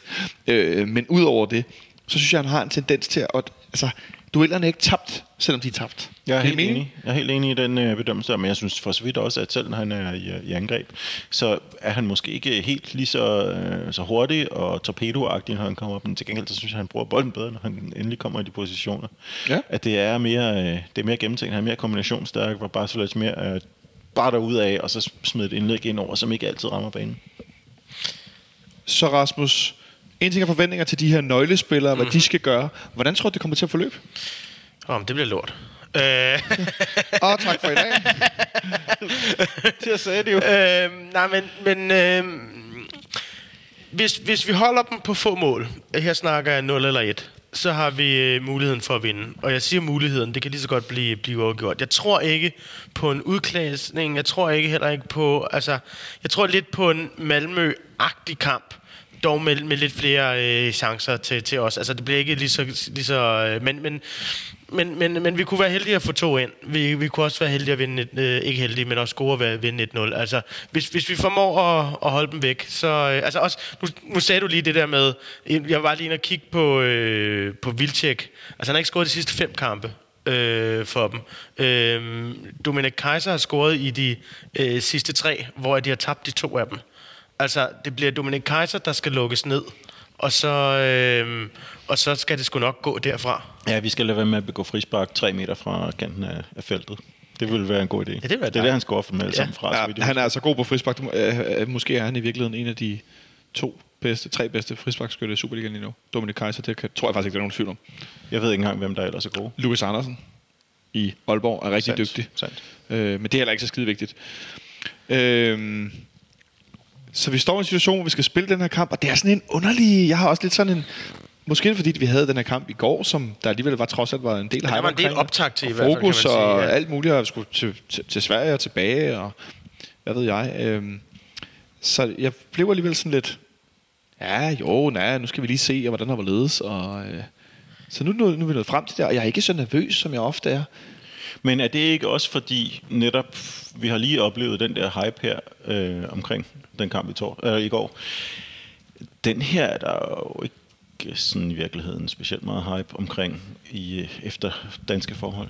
Det, jeg synes, det har været et, øh, det er sådan lidt en, en eftertanke selv i dansk presse, at øh, der kommer et lokalt, ah, nu kommer der et derby her.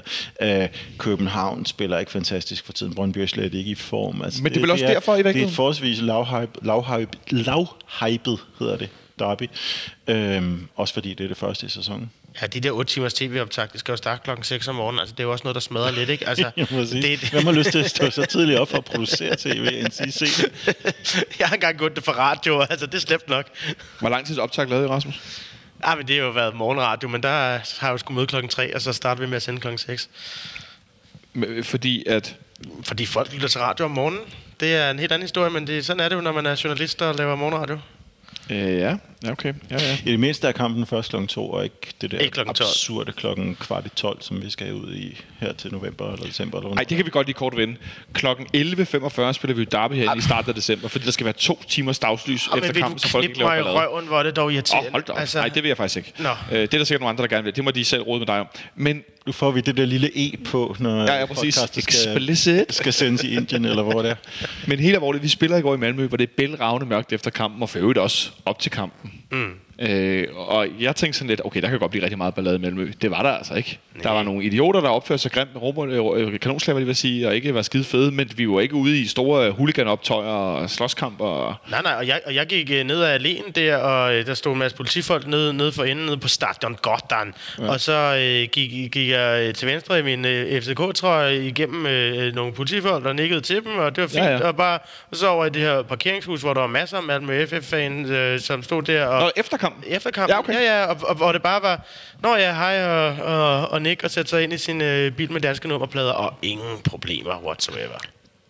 Det vil du ikke opleve på søndag. Det Hvis vil du jeg ikke. holdt ude foran øh, langsiden med Brøndby Stadion om på den anden side af det sorte plastik, hvor du for øvrigt ikke ville kunne køre om. Mm. Det kan jeg garantere dig for. Det vil være en... Øh, ikke at jeg tror, du vil... Det vil være... Altså, du, det kan sådan, at jeg står og sidder og forestiller mig, at du vil komme ind i løven hen og ligge der en flyveskalle. Det er jo ikke der, vi er. Men Nej, det vil bare være ufedt. Nå, men du ved, der var ikke sådan noget, der siger, åh, din øh, dansk jævlan, og, eller, altså, ikke engang det får man lov til at opleve. Nej. Nu skal det så selvfølgelig lige siges, at øh, kl. 12 er et åndssvagt tidspunkt at spille en kamp på, fordi det er bare ikke det er bare for tidligt. Men det er der jo en kamp, der skal gennemføres på hver eneste søndag. Det her, Ja. det virker så som om, at der er nogen, der kommer og siger, ja, men så gør vi det lige et kvarter tidligere, bare for lige at sige, det her, det er ikke en almindelig kamp, det er noget, vi har markeret. Og det, der, der er noget underlig symbolpolitik i det der. Altså, jeg, har jeg, jeg, forstår jeg plejer jo stadig at ligge i sengen med turmænd søndag kl. 12. Altså, det, det er jo, øh, altså, på den måde er det jo en, en, en indskrænkelse af livsførelse, vi er i gang med her. Ja, det er jeg Øh, lykkelig over, at vi ikke er i den der sønderjyske tilstand, hvor halvdelen af vores kampe ligger på det tidspunkt. altså, det, det er bare et dårligt tidspunkt at spille på. Tænk, hvis man var med fremmed Amager i gamle dage, og skulle ned og skulle ud og se hver kamp klokken halv 11. Ja, 10 ja. Det var jo decideret chikane af enhver form for modstander. Men det er jo midt i kirketiden. Nå, på søndag. Derby. Det Ja. første i sæsonen. I virker relativt øh, vel afbalanceret i forhold til det øh, milde optimister, men heller Jonathan ikke... køber ikke vores pessimisme, åbenbart. Nej, men Jo, altså, jeg, jeg det- køber det- det, det godt, der men det er, det er jo lige så meget en pessimisme, Nikolaj, der stammer af, at vi heller ikke selv spiller skide godt eller stabilt for tiden. Så det kommer så også af, at man kan nemt læne sig ind i en, som du I siger før, 0-0, 1-1, ikke noget prangende. Ja. Lidt som i går. Først og fremmest vil jeg så også sige, at i modsætning til de andre kampe, hvor vi kom med fremragende angriber, så kommer vi nu med angriber, som ikke scorer vildt mange mål. Ja. Jeg går ud fra, at Damendøj stadigvæk ikke bliver udtaget på søndag, fordi han først er klar efter landskampspausen. Og øh, dermed bliver det Santos og, øh, og, og Pierres igen. Jeg Ja, tror heller ikke på, at Bentner er klar til en start. Det tror jeg heller ikke, han er. Han kommer jo ikke ind i går ifølge Ståle, fordi det var en løbekamp. Det bliver, Det er- det bliver behageligt, når vi skal til at spille kampe, hvor man ikke behøver at løbe, ikke? Og jeg, jeg bliver bare nødt Ej, til at sige, hvad jeg har nu har sagt øh, i nogle uger, uden en mikrofon på. Niklas Bentner ligner Andreas Cornelius, der har drukket sovs hver dag i et år. Han er så to. Vi ser det mod Silkeborg, hvor han kommer ind. Han kan ikke engang hoppe op i hovedstødstødlerne. Undskyld mig, men det er altså dårlig form for fodspiller. Det er jo fair nok, manden har ikke spillet siden april. Han er i dårlig form, det er helt cool. Men han er bare i ekstraordinær dårlig form. Det blev lidt fremstillet som, at ja, der var tale om spin, da, da jeg sagde, da Ståle sagde, at øh, han er ikke en fyr, der kan, der kan hjælpe os i sin nuværende situation. Og det øhm, tror jeg nu var i virkeligheden ganske ærligt, da han sagde det. Ja, og det, og det er jo fuldstændig rigtigt. Altså, Øh, han kan ikke hjælpe os i, i den nuværende situation, og så skal det lige passe, at han scorer to på søndag. Ikke? Men, men, øh, men, men, men, men den Niklas Bentner, vi har set indtil videre, har ikke været god. Det bedste aktion, han overhovedet har lavet, var, da han ligger den ned øh, for fødderne af Darami, som derefter misbruger på, på det skamligste mod, øh, det har jeg allerede glemt. Midtjylland. Øh, Midtjylland, ja. Altså, øh, det, var, det var den nøglesituation. Ja. Det var den, vi kunne have indkøbt ham for. Det var, og, og det var fint, der gjorde han det rigtige, øh, og, og, og alt godt. Det er det bedste, vi har set fra ham. Resten har, har været powered. Det er jeg ikke uenig i. Men han må gerne komme ind og score på søndag, det er Ja. fint, og så, øh, så tager vi den derfra. Jamen, kommer han ind, og er vi desperate for eksempel øh, bagud, eller er der bare generelt en, en, en angriber, som, øh, som går i stykker eller ikke kan løbe mere, så kommer han jo nok ind og får det sidste kvarter. Ja. Bare for at se, hvad der sker. Jamen, det, man- man og, kan og, sige- og, og skulle han score, så, så er det fantastisk. Det, det, er jo ikke, det er jo ikke et spørgsmål om, at... Øh, vi kan, vi kan længe diskutere hele hans fortid og hele hans øh, livsstil og, og alt det der, men nu er han her, og det, det er jeg for så vidt afklaret med.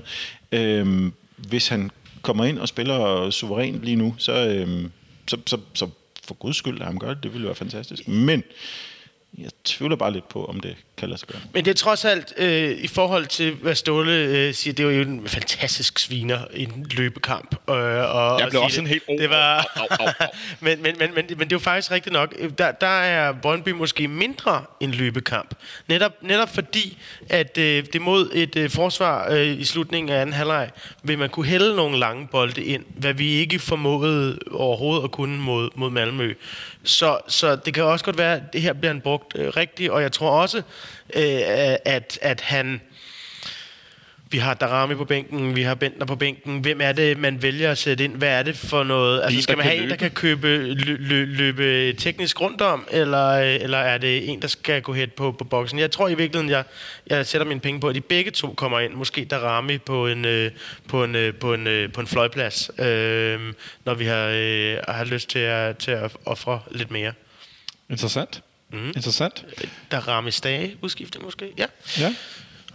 Der er, der er mange muligheder, for nu har vi jo lidt flere spillere til rådighed, end vi lige pludselig havde, hvor vi var helt nede i, jamen, vi spiller sådan her, for der er ikke flere spillere at vælge imellem. Nej, men vi har stadigvæk øh, en position, hvor på midtbanen, der udtager det forholdsvis meget af sig selv, netop fordi Fischer, selvom, som jeg siger for 117 gange, han Ja. ikke er en midtbanespiller, så er han stadigvæk en bedre midtbanespiller end Pep Biel og Carlo Holst er lige nu. Til Det er for, start, hov, det havde jeg lige glemt. Vi skal da lige tale om en gang, øh, ganske kort nu. Hvem der spiller? Ja, øh, nej, men ikke bare sådan i det hele taget. Det synes jeg, med de skader, vi har og så videre, så er der meget, der giver sig selv. Øh, om det lige, nu, vi er inde på det tidligere, Bjelland øh, formodentlig ikke spiller, fordi han ikke er fysisk i stand til at spille to gange 90 minutter på så kort tid. Så vi må formode, at Papagiannopoulos starter ind. Øh, vi snakkede om højre bakken. Vi har formodet, at Bartolet starter ind, fordi mm. at det har han jo gjort primært i Superligaen, øh, og Varela spillede 90 minutter i går i Malmø. Men Pep Biel er jo øh, til rådighed på Gud ja, højre ham har vi også. Jeg Altså- kunne da godt forestille mig, at Pep Biel startede ind i, på søndag i Brøndby. I stedet for hvem? Ja, så vi kunne få øh, den kære, øh, hvad hedder det, Rasmus Falk ind og spille på midten, eller rykke rundt, eller hvad ved jeg? Mm, Hvad siger du? Jamen, nej, og grund til, grund til at sige nej er fordi, at øh, Pep Biel, øh, hvor dejligt han ellers lyder i øh, øh, interview, og hvad, hvad, vi, hvad vi har med, med, med den mand. Jeg har faktisk ret stor øh, parti for ham. Øh, han har ikke været god nok. Vi spiller bedre uden ham. Han er ikke indspillet, øh, øh, og i sådan en hadeskamp, der er også et eller andet øh, øh psykisk i det. Altså, Pep har ikke hele den øh, historik med. Falk vil gå igennem ild og vand for den her kamp. Øh, Stage vil gå igennem ild og vand for den her kamp. Fischer vil gå igennem ild og vand for den her kamp. Sækker er overlegen. Jeg, jeg tror også bare, at der er et eller andet øh, psykologisk i, mm. at, at det er de andre, der, øh, der, der står før ham i, øh, i, i bogen. Det er rent gissninger, men, men sådan vil jeg tænke, hvis jeg sad og skulle sætte holdet. Ja. Jeg tænker meget i, at vi spiller den ene kamp. Hvem er friskest? Spil den næste kamp. Hvor friske er de? Hvad kan de? Øh, og så nogle gange, når man sidder her, som også kloger os enormt, og nu har vi regnet den ud, og så starter de med nogle andre, og så siger Ståle bagefter, nej, det skulle de kunne tåle. Og så spiller de andre alligevel. Altså, så det, Ja. ja. Nogle gange, så synes jeg, det kan være svært at prøve at regne den ud den var. Men jeg tænker, han ikke spillede i går, fordi han skulle være 100% klar til at spille øh, på søndag. Men altså, Det tror jeg ikke. Jeg tror bare, han er lidt langt fra holdet, desværre. Jeg kunne forestille mig måske, at det ville fungere lidt bedre, hvis man lavede en lille smule øh, rearrangement på, på midtbanen. Hvis man havde en, øh, hvis man havde en situation, hvor Pep Biel skulle med, og så skulle de andre tre midtbanespillere hedde Stage, Falk og Seca, så ville man kunne bruge Fischer i angrebet, min kæphest, sætte ham sammen med Pietros, eller måske Michael Santos, måske i virkeligheden Santos ville fungere bedre, men jeg tror faktisk, at Pietros ville være, være, være det indlysende valg, Ståle ville gøre. Og så Hvor- ville man hvorfor- hvorfor det indlysende? gribe Brøndby Leonas, fordi jeg tror, at, øh, Ståle har en master øh, stjerne til, til Pietos. Jeg, jeg, jeg, jeg gjorde, sagde det lidt for sjov, da, da vi Ja. jokede tidligere om, øh, hvem der var vores øh, sæsonbedste spiller. Fordi jeg synes ikke, at Pietos fortjener helt den øh, status, som Sønderborg kan få. Og det er ikke, fordi han er god til at score mål. Det skal guderne vide. At han er ikke en effektiv afslutter, medmindre han har den på straffespark. Men jeg er, er stensikker på, at hans arbejdsindsats stadigvæk er ekstremt påskyndet af vores træner. Det tror jeg, den er det. Jeg tror også, det er. Hvis han ikke havde den, så tror jeg ikke, han var i nærheden af at spille. Nej, og, øh, vi- har fået et spørgsmål på de sociale medier, Det er rigtigt, ja. øh, som øh, lyder, er vi villige til at opgive vores stærke pres med Piers og være mere sårbare bagud i forhold til at få en anden angriber fra start på søndag? Det er for øvrigt ikke et spørgsmål, jeg har fået. Det er Kasper Larsen, der har skrevet ja. Et tweet og lavet en afstemning på sin Twitter. Øh, og så har øh, Jonathan, ikke mig, ikke for at optage mig selv i tredje person med Jonathan Jørgen, han har grebet den og lavet et, et, et, et, et tweet. Jeg synes faktisk, det er en meget interessant problemstilling, fordi at øh, eftersom han er det der første pres, øh, så, øh, så, så gør han det fantastisk som første presser. Det, altså, hvis jeg skal sige noget positivt om Pierre, så skal det være det. Øh, men, men jeg vil dog sige, vil vi gerne ofre det øh, mod et midterhold som Brøndby? Ja, det vil jeg faktisk gerne. Men, men jeg har ikke den, jeg skal sætte ind i stedet for, som er det bedre på afslutninger eller placeringer, eller på, så, så, så det giver mening. Så jeg, ja, jeg vil være villig til at ofre det i sådan en kamp. Men nej, vi har ikke den spiller, der, øh, der, der skal ind. Det skulle være Victor Fischer. Og så, skulle man, øhm, så ville jeg gerne se en, en diamant blive brugt med øh, Falk og Stage i siderne, ved siden af en øh, defensiv minded sæk her, og så Pep Biel som forreste del af, af den diamant. Men alt talt synes jeg ikke rigtig, Pep Biel lige nu er på et punkt, hvor han er stærk nok til det. For øvrigt så øh, kommenterer Henrik B. Andersen, øh, FCK-fan gætter på, som skriver øh, til det her tweet omkring, øh, hvad man kan forvente, om vi give afkast på presset, eller vi vil spille videre på den måde. Klassikeren lyder sådan her, skriver han, kolon, angrebet vinder kampe, men forsvaret vinder mesterskaber. Så Bentner må vente. Det er vel øh, det er forsimplet, men omvendt så kan jeg godt følge ham i, at, øh, at det vil være for meget at afgive, initiativ at afgive, øh, også defensivt. Jeg vil jo sige, at en kombination af stærkt forsvar og stærkt angreb vinder både kampe og mesterskaber. Bevaret, bevares, bevares. Men det er jo måske lidt et komme ud af fængselskort at trække. Hvis man ikke lukker mål ind og scorer mange, så vinder man. Det, er- det er som regel... øh, Som, hvad var det, Thomas Frank fik sagt, den tidligere Brøndby-træner? Fodbold, øh, mål ændrer fodboldkampe. Ja. Det er så Hold også op. øh, Det er stadig, stadigvæk klogere, end hvad Brian Laudrup sagde i en tv-reklame. Jeg vil da hellere føre 2-0 end 0-0. Har han sagt det i en tv-reklame? Ja. Det var, det var noget med, øh, er 2-0 den farligste føring, og så svarer Ebril Laud, du vil hellere føre 2-0 end 0-0. Jamen det er simpelthen så Du kan jo ikke føre 2-0, øh, du- 0-0 din sinke. Undskyld. Nu bliver det meget personligt. Nå, nu tror jeg, at vi skal komme med et, øh, på. et ciffertips i stedet for, at det, ej, det er ikke vores hovedsponsor, det er Nej, vores- tribunesponsor. Øh, Rasmus, hvad er der kommer på søndag? Jamen, øh, den kan blive alt mellem øh, øh, 2-1... Øh, Rasmus, hvad er dit bud på kampen på søndag? 0-1, øh, vi vinder den 1-0. Vi vinder den 1-0. Nikolaj? den ender ligesom i går 1-1, og jeg tager gerne fejl på den, på den gode måde. Fejler gerne og rammer 4-0 i stedet for. Ja. øhm, Tak.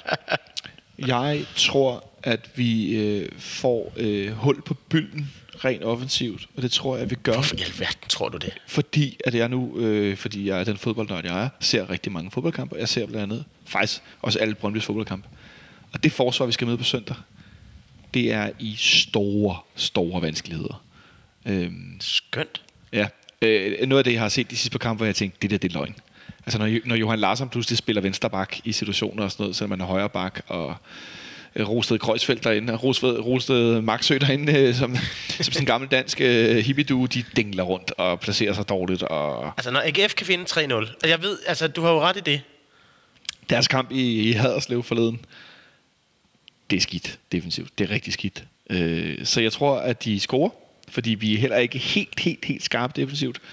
Men jeg tror faktisk, at jeg vil gå så langt som at sige, at det bliver en rigtig dejlig, dejlig søndag i oktober. Jeg tror, vi vinder 3-1. Hold da kæft. Fordi Og hvem vil score alle de mål? det kan sagtens være, selvmål han stadig er skiftet ind for os. Men, øh, Selvmål og så et stagehovedstød. Og, ja, men øh, så, nogle, nogle af de der spillere, man ikke normalt oplever score. Det kan være, at Falk faktisk finder noget frem. Var- Bengtsson pludselig på en eller anden retur, der hakker den, hvad ved jeg. Men jeg har sådan en god vibe omkring, at det der forsvar, ikke? Men vi har lige spillet, altså vi, 60 timer inden har vi, har vi spillet øh, fodbold. Brøndby har haft hele ugen til at øh, forberede sig til, det her, til den her kamp. Så kunne jeg vente om at sige, så er vi bedre kampform. Der er en ting, jeg glæder mig rigtig meget til at se, og det er, hvordan vores, øh, vores dejlige, aggressive uruguayanske angriber Michael Santos reagerer på at være, reagerer på at være i derby. Ja, det er rigtigt. Om han har den der øh, derby-glød i sig. Er du i Øh, tvivl om det, Nikolaj? Ja, fordi jeg har ikke set det endnu. Og jeg synes nok, jeg har men, set ham have glød som et kæmpe stort vulkanudbrud. Men jeg kunne godt lide at se, at hvis det var sådan en art... Nu har jeg aldrig været vild med, med, fyren, selvom han har været der i fem år nu. Men hvis det er en art, som at se Luis Suarez i en klassiko, øh, i sådan en Lidl-udgaven, men stadigvæk... øh, om han laver det der med at bakke sin røv ind i forsvaren hele tiden, og smide sig en lidt en gang, med, som vi ved, han godt kan. Ja, ja. Og øh, bare være øh, rigtig, rigtig beskidt og, og derbyagtig. Det, øh, det håber jeg fandme, vi kommer til at se. Mm. Det tror jeg, vi kommer til at se. Det kan det så godt afsløre. Fordi at jeg, øh, han er... Han er for øvrigt meget, meget, meget, øh, hvis man kalder det spansk, han er meget øh, svarvillig på sin Instagram-konto, hvis man skriver en lille besked til ham. Mm. Han er meget sød og imødekommende, og så er han god på de sociale medier. Han er god til selv at, øh, hvad hedder det, interagere. Jeg, jeg synes, jeg synes han, er, han, er, han, han er skide god. Han mangler lige topniveauet, øh, og viste det endnu i hvert fald øh, i, i parken. Vi mangler at have, have ham spillet ordentligt ind, men, men, men, men som person og som indkøb, I'm all for. Ja, jeg synes, han er fed. Jeg håber, han scorer på søndag. Øh, en kamp, som jeg håber, som sagt, at vi vinder de her tre, jeg nu har gættet på. Så det kan være, det er du det? fuldstændig off. Øh, det må tiden øh, vise. Til jer, der skal der ud med bussen, eller med Mars, eller i bil, eller på løbehjul, eller hvad fanden I gør, så vil jeg bare sige rigtig god kamp. Og til jer to, hjemme på sofaen, nede på baren, hvor er vi henne? Altså, jeg kommer... Altså, skal vi mødes et sted, Nikolaj? Ja, det var måske en meget god idé. ja, fordi... Vi er to Øh, strandet ude på øen. jeg, jeg, jeg kan være, jeg kommer hjem til Nikolaj. Det tror jeg faktisk lige har inviteret mig selv til at komme hjem til Nikolaj, fordi jeg sender nemlig øh, der ikke nogen noget, hjemme, noget så- radio frem til klokken 1. Der er ikke nogen hjemme, så alle er inviteret. Ja. Og hvis nu I ender på en bar, og vi vinder kampen, så kunne det være, at jeg kom hen til jer der bagefter. Ikke? Så øh, de her, I skal have tusind tak, fordi I kiggede forbi. Det var en fornøjelse. øh, fornøjelse. Undskyld. Ja, men, Men, øh, øh, nu har vi snakket så meget, så det der gemmer vi til en anden gang. Nå. Ja, vi skulle have haft øh, dagens mixzone, men den gemmer vi. Nu har vi talt så meget fodbold, at vi er gået helt op i øh, næsten en halvanden time. Så det tager vi en anden dag. Det løber ingen steder, Rasmus. Ah, men jeg er bare så vred. Og det bliver Vi kun... skal, bare, vi skal bare forbi det inden øh, ja, nytår. det, jeg skulle sige, det løber nemlig ingen steder. Så har vi lavet en kæmpe teaser, som jeg ikke vil afsløre hvad. Øh, så øh, tak fordi I kiggede forbi. Det var da så lidt. Ja, Det var en fornøjelse. tusind tak. Og tak til dig derude, fordi du lyttede med. Jeg håber, I får en rigtig, rigtig god søndag med, med Derby, og ikke for meget derby med op til. Vi lyttes ved på mandag, hvor jeg har besøg af Benjamin, jeg har besøg af Nikolaj Ingemann, Benjamin Dane og Jonas Christiansen, for vi laver en stor nedsagt og status frem mod landsholdspausen. Ha' det godt så længe.